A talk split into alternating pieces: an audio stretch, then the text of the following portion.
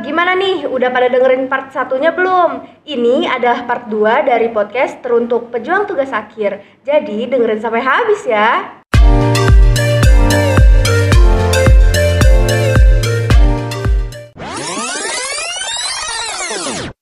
suka galau. Saya juga nggak tahu kenapa suka galau ya. Passion sendiri aja nggak tahu apa gitu kan. Atau istilahnya keinginan sendiri itu apa tuh nggak tahu gitu ya. Sebetulnya nih ya teman-teman kalau misalnya ada yang lagi ngerjain skripsi pengen ujung-ujungnya nikah, percayalah nikah itu nanti lebih berat dibandingin ngerjain skripsi. Itu tadi udah dibilang punya anak susah. Gak Jadi jangan sampai ngomong, aduh gue pengen nikah aja gitu. Jangan teman-teman, itu lebih berat. Jadi mendingan ngerjain skripsi aja sampai selesai ya. Oke, jadi em, pertama adalah tadi itu di semester 6 dapat mata kuliah metodologi penelitian. Mata kuliah metodologi penelitian itu wajib lulus teman-teman. Kalau belum lulus nggak bisa lanjut ini. Jadi ini ada persyaratan pertama adalah mata kuliah metodologi penelitian harus lulus dulu. Lulus itu berapa sih minimal C ya. Jadi kalau C aman teman-teman ya. C nggak apa-apa gitu. Jangan sedih gitu ya dapat C udah lulus gitu ya kan.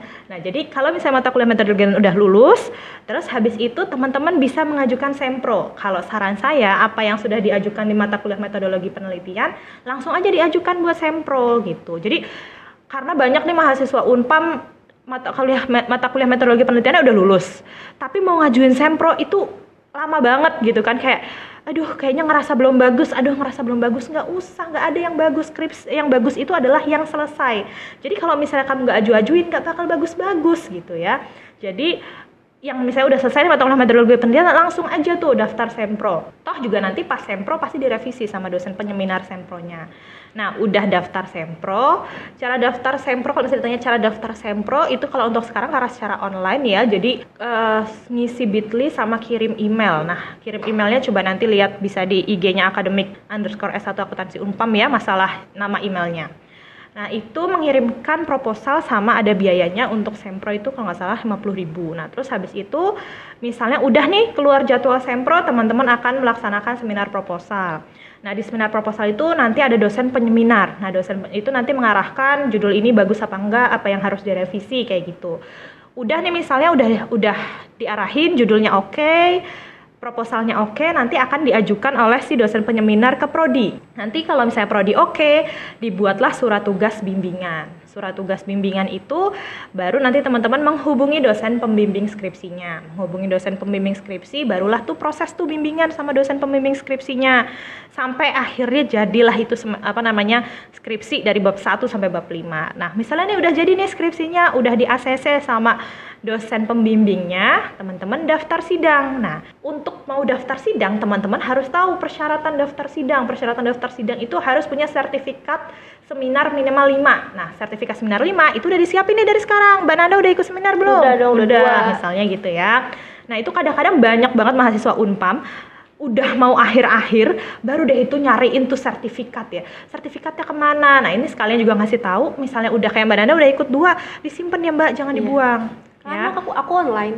Ya, Jadi ada Google Drive. Nah itu kadang-kadang juga mahasiswa Unpam mentang-mentang online gitu ya nggak tahu ada di mana mungkin udah di download cuman habis itu nggak tahu terlalu banyak Iya, datanya lupa, betul, nggak tahu ke mana-mana. Nah maksud saya juga ngasih tahu kalau udah seminar udah dapat sertifikat disimpan karena nanti berguna buat syarat sidang. Terus selain sertifikat seminar 5, oh ya kadang suka nanya, ibu kalau sertifikat ini boleh nggak sih sertifikat itu boleh nggak sih kadang suka nanya gitu ya. Nah selama itu diadakan oleh prodi itu pasti boleh. Ya jadi misalnya sertifikat seminar nasional kayak internasional kayak semin apa atau apa pun itu selama diadakan oleh prodi itu pasti boleh. Terus selain sertifikat seminar itu ada syarat sidang lagi TOEFL. Nah dari semester 5 itu sebenarnya teman-teman udah bisa ikut TOEFL di lembaga bahasa. Nah itu minimal pokoknya yang penting berapa ya 333 aja udah nggak masalah kalau nggak salah deh. Jadi jelek banget nggak apa-apa lah. Yang penting melebihi batas minimal itu. Tapi ya kalau bisa sih yang bagus ya teman-teman ya. Terus selain TOEFL ada uji kompetensi dari LSP. Nah itu semester 7 biasanya pada daftar. Jadi semester 7 itu biasanya sempro sama mulai uji kom. Nah udah punya syarat-syarat sidang tadi kayak sertifikat seminar 5, terus lembaga bahasa, terus habis itu sama tadi LSP uji kom baru tuh bisa daftar sidang gitu ya. Nah, terus daftar sidang biasanya teman-teman nunggu jadwal sampai keluar jadwal sidang. Keluar jadwal sidang, terus habis itu ya udah teman-teman sidang. Habis teman-teman sidang pasti direvisi ada revisian, revisian sidang, terus habis udah direvisi sesuai peng, apa arahan penguji, dapat tanda tangan penguji satu, penguji dua, dapat tanda tangan pembimbing, tanda tangan ke prodi, terus nanti dicetak hardcover yang apa sih tebel itulah pokoknya ya, yang bentuknya buku, terus nanti itu dikumpulin sebagai syarat wisuda itu. Tinggal dapat jadwal wisudanya kapan, teman-teman wisuda, habis wisuda jangan lupa ijazahnya diambil. Kadang udah wisuda ijazah nggak diambil. Itu sih tadi sampai wisuda. Oke, jadi teman-teman udah paham ya sampai sini untuk alur tahapan wisuda, eh wisuda, skripsi dan sam sampai wisuda gitu, sampai belibet aku ngomong. Terus Panjang ya soalnya ya. Iya. Terus aku pengen nanya, aku stalking nih Instagram Bu Putri. Oh iya, Iya dong. Jadi aku kirain saya doang yang suka stalking. Tapi aku nggak di follow back sama Bu Putri. Oh, Astagfirullahaladzim, maafin ya nanti bilang aja WA DM saya. Enggak, aku pengen nanya sih. Kan Bu Putri itu eh, saat masih nyusun skripsi S1, Bu Putri lanjut kuliah S2 kan? Betul bukan, Bu? Betul betul betul. Itu aku pengen nanya tuh, gimana sih tetap bisa selesai skripsinya padahal Ibu juga eh, lagi pusing-pusing tuh S2. Kalau jadi curhat nggak apa-apa ya Mbak ya? Gak apa-apa, biar jadi semangat kakak-kakak yang lain gitu. Oke. Eh, saya alhamdulillah sih eh, on time ya teman-teman ya. Ini bukannya karena saya punya banyak waktu.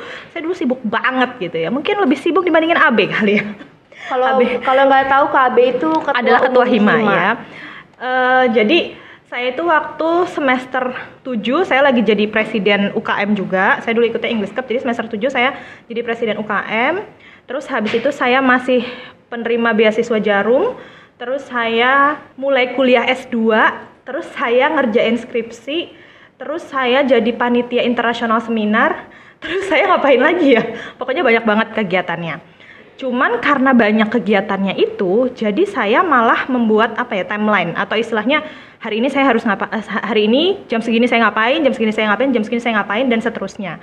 Nah, jadi karena malah dibuat timeline, jadi saya malah bisa dibilang terarah. Jadi saya ngajuin judul atau ngajuin kalau di sini ngajuin sempro itu tepat waktu semester 7. Padahal tadi benar sambil kuliah S2 juga. Jadi karena tadi itu sih cara saya ya. Jadi saya buat timeline eh, biar karena karena kerjaan saya banyak tadi saya buat timeline biar bisa dijalanin semua. Karena sebenarnya menurut saya itu semua itu pasti bisa sih. Maksudnya kita eh, sebanyak apa pun kerjaan kita, kalau kita apa ya bisa terencana kita bikin timeline yang bagus pasti bisa dijalanin semua. Nggak ada yang terlalu berat nggak ada yang terlalu capek. Ya kalau misalnya ditanya, ditanya capek sebenarnya iya sih. Karena saya sempat ya misalnya semester 7 itu pernah tidur cuma satu jam doang. Karena saya ada tugas S2 gitu ya sampai malam begadang terus ngerjain skripsi juga. Paginya saya ada kelas S2 gitu ya cuman saya baru tidur habis subuh gitu aja cuman tidur sejam doang terus paginya ada kelas S2 gitu kan padahal habis ngerjain skripsi malamnya kayak gitu capek itu iya cuman kayak apa ya semangat saya karena saya mau nyelesain ini tepat waktu saya harus nyelesain tepat waktu karena saya mau apa namanya saya punya rencana yang lain saya mau banggain orang tua kayak gitu kan jadi karena saya ada semangat itu tadi kayak pasti bisa lah apa juga hajar gitu kan gas terus kalau anak zaman sekarang masih ya muda ya, Bu ya. Betul, beh. Iya, kalau misalnya teman-teman masih muda sekarang ya, kalau udah kayak saya udah tua gitu ya, udah ada anak segala macam, udah ribet nanti. Nah, tuh, makanya jangan punya anak dulu, teman-teman. Eh, iya benar juga ya. Yang jelas kuliah dulu selesaiin ya. Iya. Iya, iya. Iya, biar sibuk-sibukin diri aja dulu ya, Bu ya. Hmm, Karena kalau udah punya anak susah kan Iya, ke mana-mana. benar. Itu tadi pertanyaan dari aku yang mahasiswa awal-awal maba-maba corona. Di sini aku pengen jawabin, Jawabin. pengen jawabin bukan aku yang jawabin maksudnya Bu Putri. Bu Putri, aku pengen nanya eh, mewakili teman-teman followers dari IG Himai Satu Akuntansi underscore Unpam. Ini ada pertanyaan dari Muhammad underscore Adib underscore 20 Cie masuk podcastnya Hima Adip kayak saya kenal nih Adip ya. Tuh dikenalin sama Bu Putri Katanya apa bedanya sih Bu judul kuantitatif dan kualitatif Dan gimana caranya bedain judul tersebut Eh, kalau menurut saya sih kalau dilihat dari judul itu kayak semakin sering kamu lihat kayak semakin paham. Cuman kalau untuk misalnya teman-teman yang masih awam gitu ya masih bingung gitu ya. Jadi kalau misalnya kuantitatif itu kan sebetulnya adalah metode penelitian yang teman-teman meng- harus mengolah datanya berupa angka gitu terus diinterpretasikan. Jadi misalnya eh, dari laporan keuangan diolah terus habis itu jadi apa namanya ada hasilnya. Nah, kalau metode kualitatif itu kuantitatif sama kualitatif Iya, bener ya. Bu. Kalau kualitatif itu ada jadi tidak ada pengolahan angka-angka itu tadi. Jadi teman-teman misalnya nih ad- eh, interview orang terus habis itu dari jawaban orang tersebut teman-teman beri apa kesimpul apa teman-teman tarik kesimpulan. Nah, itu kualitatif. Jadi tidak ada angka-angka sama sekali. Nah, kalau dari judul itu ya agak apa kalau misalnya teman-teman ya biasanya taunya kalau judul kuantitatif itu ada judulnya pengaruh bla bla bla bla terhadap bla bla bla bla. Nah, itu biasanya kuantitatif. Kalau kualitatif itu apa namanya judulnya malah lebih beragam. Jadi nggak mesti ada pengaruh bla bla bla terhadap bla bla bla bla gitu ya. Jadi biasanya bisa analisis laporan keuangan desa gitu misalnya. Nah, itu jadi lebih nggak apa sih namanya? Lebih beragam judulnya. Jadi tidak mesti harus ada pengaruh bla bla bla terhadap bla bla bla bla itu tadi kalau judul kualitatif. Gitu sih bedanya. Oke, untuk Kak Adip udah terjawab ya pertanyaannya. Semoga terjawab Adip. Nah, di sini ada juga yang nanya nih dari Kalisa Apriandini. Kayak kenal juga tuh sama Lisa ya. Katanya, bagaimana sih langkah awal untuk bisa dapat judul yang tepat? Baca jurnal banyak-banyak malah kadang ma- malah bikin bingung. Nah, itu sebenarnya tadi kurang lebih udah saya jawab agak agak saya jawab sebelumnya ya. Jelas kalau teman-teman belum tahu pengennya apa atau belum tahu passionnya apa, itu udah pasti kamu baca jurnal banyak-banyak itu kepala malah pecah. Karena nggak karena, karena kamu nyari belum tahu arahnya. Jadi teman-teman itu pas nyari seharusnya sudah tahu dulu pengennya apa. Jadi coba balik lagi ke diri kamu, kamu itu kira-kira mampunya tadi data primer apa data sekunder. Kalau ternyata kamu merasa bahwa saya karena udah kerja di kantor, mendingan saya mau nyari apa mau nyerahin kuesioner ke kantor saya aja gitu. Nah, berarti itu data primer. Cari berarti kan udah tahu nih judul-judulnya adalah yang kaitannya sama kuesioner nyari data primer. Terus habis itu kalau misalnya kamu merasa saya nggak nggak tahu nih mau nyerahin kalau pakai kuesioner mau nyerahin ke mana, saya mendingan pakai laporan keuangan aja. Berarti kan datanya udah jelas tuh data sekunder kayak gitu ya. Itu pertama masalah data. Nah terus habis itu bisa juga apa? Cari tahu juga kalian itu passionnya ke mana. Misalnya teman-teman konsentrasinya tadi audit. Teman-teman suka dari seluruh belajar audit paling suka tuh apa sih? Audit itu kan banyak banget. Ada audit internal, ada misalnya masalah fraud. Terus habis itu ada lagi masalah audit apa namanya opini audit kecurangan laporan keuangan pokoknya banyak banget lah. Nah itu teman-teman kan pasti ada yang paling suka. Nah kalau teman-teman udah tahu passionnya apa atau sukanya yang apa terus habis itu tahu datanya mau primer apa sekunder barulah dicari tuh di Google Scholar. Jadi jangan cari dulu baru bingung. Jadi mendingan bingung dulu nentuin tema dulu maunya apa baru cari. Jadi udah ada arahannya. Tadi saya udah bilang sebelumnya ya pas dijawab sebelumnya kalau udah tahu maunya apa tinggal cari faktor-faktor yang mempengaruhi tadi kamu mau nyarinya apa jadi yang pas kalian temuin itu udah semuanya tentang yang kamu suka gitu gitu caranya Lisa Kalisa sudah terjawab Kalisa? iya sudah sudah sudah Oke, ini tadi nyambung sama jawaban Bu Putri. Ada yang nanya juga dari Kak Vidi Adian. Cara mencari judul sesuai passion. ya kamu harus tahu dulu passionnya ya kadang orang kadang mahasiswa itu nggak tahu passionnya apa ya itu tadi kalau saya sih balik lagi ke diri kamu sendiri kamu itu kuatnya di mana jadi pasti kamu tuh tahu kamu kuatnya di mana pasti. Cuman kadang-kadang kalian nggak mau men- menanyakan ke diri sendiri aja sih. Jadi sebenarnya kamu tahu nih saya tuh sebetulnya paling paling paling suka dari seluruh materi itu tentang apa itu pasti sebetulnya kamu tahu. Karena kan bisa kelihatan ya misalnya dari nilai yang paling bagus atau pas lagi dosen ngasih tahu kamu paling ngedengerin. Nah itu tuh sebenarnya berarti kamu passion di situ. Nah jadi kadang-kadang tuh kalian tuh ada passionnya cuman nggak mau mendalami gitu aja sih jadi kalau udah tahu passionnya ya tadi dengan cara misalnya nilai yang paling bagus atau pas dosen nge- ngejelasin kamu paling mau denger dengerin nah itu berarti passion kamu nah kalau udah tahu passionnya baru nanti dicari di judulnya gitu jadi kamu harus tetap balik lagi nanya ke diri kamu sendiri kamu paling suka atau paling apa ya mantep itu tentang apa penelitiannya gitu. Lalu Bu, ada pertanyaan lagi dari Kak Anjar Nalifah double H. Tips and trick supaya proposal skripsi sekali ngajuin di ACC Min. Asik. Itu tadi sebenarnya juga udah kurang lebih udah ya. Masalah kuncinya nggak boleh ada yang sama persis di Unpam. Itu aja sih kuncinya kalau nggak ada yang sama persis di Unpam. Terus habis itu apalagi jel, apa penelitian terdahulunya jelas ya. Maksud saya jelas itu adalah teman-teman beneran ada penelitian terdahulunya bukan cuma ngarang judul doang gitu ya. Nah itu pasti di ACC kok nggak ada yang sama persis, penelitian terdahulunya jelas dan pas ditanyain dosen, jadi pas ada seminar proposal itu kan biasanya ditanya dosen ya. Kamu itu tahu kayak misalnya kasusnya apa atau istilahnya dasar kamu melakukan milih judul itu apa, pasti langsung di ACC kok. Tapi di ACC judul ya, kalau isi pasti pasti direvisi. Pas sempro itu nggak ada yang isinya tuh langsung di di ACC tuh nggak ada. Pasti kalau isi isi proposalnya pasti ada revisian. Cuman banyak kok yang judul langsung di ACC. Ini ada juga pertanyaan terakhir dari Kak Kenny underscore Belinda nih Bu. Judul skripsi yang nggak boleh dipakai apa aja Min? Oke, gitu. kalau tadi yang biar di ACC kali ini yang nggak boleh ya. Iya. Di Unpam itu terlalu banyak eh, hoax-hoax berse- bersebaran. Jadi misalnya, Bu katanya yang ini nggak boleh, Bu katanya yang itu nggak boleh gitu ya. Nggak tahu padahal benar apa enggak.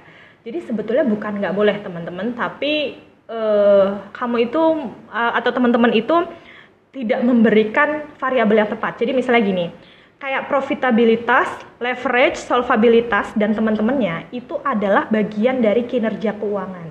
Jadi jangan dijadikan judul misalnya. Jadi misalnya teman-teman judulnya pengaruh profitabilitas itu pasti nggak bakal di ACC. Kenapa? Karena sebenarnya profitabilitas itu adalah salah satu proksi dari atau salah satu pengukuran dari kinerja keuangan. Jadi kalau misalnya dijadiin judul, ya berarti harusnya pengaruh kinerja keuangan ter- dan lalala terhadap bla bla bla bla gitu. Nah nanti di dalamnya kinerja keuangan itu baru dijelaskan misalnya profitabilitas kayak gitu. Itu masalah yang pertama. Jadi sebetulnya profitabilitas dan teman-teman ya itu bukan yang nggak boleh, tapi memang dia itu seharusnya tidak dijadikan judul gitu. Terus habis itu yang kedua tadi yang pen- yang nggak boleh itu adalah yang sudah pernah ada sama persis judulnya dari pengaruh sampai terhadapnya itu sama persis kayak yang sudah pernah diteliti sebelumnya, yaitu nggak boleh diteliti di Unpam ya. Tapi kalau misalnya teman-teman ternyata nemu di kampus lain uh, judulnya ada nih misalnya dari uh, pengaruh bla bla bla terhadap bla bla bla bla. Nah di Unpam belum pernah ada yang sama persis, nggak apa-apa judulnya sama persis sama yang kampus lain. Tapi tidak boleh ada yang sama persis sama yang di Unpam. Itu sih biasanya. Jadi yang nggak boleh itu biasanya yang dijadikan judul itu adalah proksi atau pengukuran kayak tadi contohnya profitabilitas dan teman-temannya. Sama yang kedua yang nggak boleh itu biasanya kalau sudah ada yang sama persis. Oke, terima kasih banget. Kamu pasti Bu bingung ya? Enggak sih, nggak ngerti juga. Iya maksudnya gitu bingungnya karena nggak ngerti ya iyalah ya anak baru ya. Dimaklumi kan Bu? Iya dimaklumi, dimaklumi. Nanti kamu uh, udah semester 7 baru ngedengerin podcastnya ini ya. Ya, nanti ada kamu podcast terbaru lagi tuh nanti. Oh iya. iya. Tapi aku denger suara aku aja, aku pede. Heeh. Oke, thank you banget nih buat Bu Putri yang udah nyempetin hadir. Tapi Bu, sebelum kita closing, aku pengen ada magic sentence yang dari mulut Ibu yang bikin nih, yang bikin Iya, anak-anak mahasiswa atau mahasiswi yang masih males bikin skripsi, terus tiba-tiba pengen, ih jadi pengen cepet-cepet nih, gue udah ngerti nih, gue pengen cepet-cepet lulus ah. Aku kasih waktu satu menit dari Ntar dulu, sekarang. magic sentence ini cuma baru satu ya? Cuman boleh satu ya? Cuma satu. Oh, Kalau iya, mau, iya. mau lebih boleh, Iya. tapi nanti aja di IG Ibu boleh. nanti di follow temen-temen. Iya iya. Saya emang paling suka itu magic sentence. Apa saya nyari-nyari quotes itu pas lagi skripsian sih memang karena kayak pas lagi skripsian itu butuh banget sih kata-kata penyemangat gitu nggak sih ya? Terus butuh penyemangat hidup juga. Oh. Kalau kata-kata doang kurang. Eh, sebetulnya nih ya teman-teman kalau misalnya ada yang lagi ngerjain skripsi pengen ujung-ujungnya nikah percayalah nikah itu nanti lebih berat dibandingin ngerjain skripsi itu tadi udah dibilang punya anak susah. Gak jadi jangan sampai ngomong aduh gue pengen nikah aja gitu jangan teman-teman itu lebih berat jadi mendingan ngerjain skripsi aja sampai selesai ya gitu oke oh ya terima magic sentence ya oke saya pikir dulu boleh Boleh, aku kasih waktu satu menit dari sekarang ya Bu. Teman-teman tunggu sabar ya. Satu menit. Tapi aku yakin sih Bu Putri nggak akan satu menit. Karena pengalaman hidupnya tuh banyak banget ya. Oke, 30 detik lagi Bu Putri. Ayo. Kayak ikut Master Chef nggak Bu? iya ya kayak master chef gitu ya untung nggak ada chef Juna yang marahin Ada- saya Adanya Chef AB. kayaknya udah deh Oh kan, belum ada satu menit, 15 detik lagi teman-teman. Ya sebetulnya magic sentence-nya tadi udah saya sebutin sih. Cuman apa namanya mungkin biar lebih ditekankan lagi ya Apa tuh Bu? tadi. Jadi skripsi yang baik adalah skripsi yang selesai. Tidak ada skripsi yang baik kalau tidak selesai. Gitu teman-teman. Oke, beri tepuk tangan dulu buat Sentence. Tuh, audiens kita rame banget di sini ada tujuh ribuan. Cuma ngayal aja. Oke, kita udah sampai di akhir acara nih, Bu. Eh, terus juga terima kasih buat teman-teman yang udah setia dengerin podcast kita. Terima kasih juga, terima kasih banyak banget buat Bu Putri yang udah nyempetin hadir. Sama-sama. Dianterin sang suami tercinta. Asik. Eh jangan dibilang enaknya. Nanti kalau bilang enaknya pengen nikah lagi Eh, nanti. jangan teman-teman. Oke, semoga ke depannya kita bisa ketemu Di dengan- kelas ya? Iya, aku baru pengen ngomong gitu bu, ketemu di iya kelas. kasihan Nanda. Kemungkinan kebetulan ke, kayaknya Nanda nanti semester 3 kan ya? Iya. Ini mungkin bisa jadi saya yang ngajar semester 3 ya. Mata kuliah sistem informasi akuntansi. Tapi masih online Iya, Nanda. baru pengen ngomong aku pengennya offline gimana? Kirain mau dikasih bocoran kapan offline. Enggak ya, kayak masih online ya Oke ya. teman-teman semuanya, para listeners yang ada di rumah dan di mana pun kalian berada, terima kasih atas waktunya. Semoga podcast kita kali ini bermanfaat buat kalian. Kurang lebihnya mohon maaf. Wassalamualaikum warahmatullahi wabarakatuh. Bye.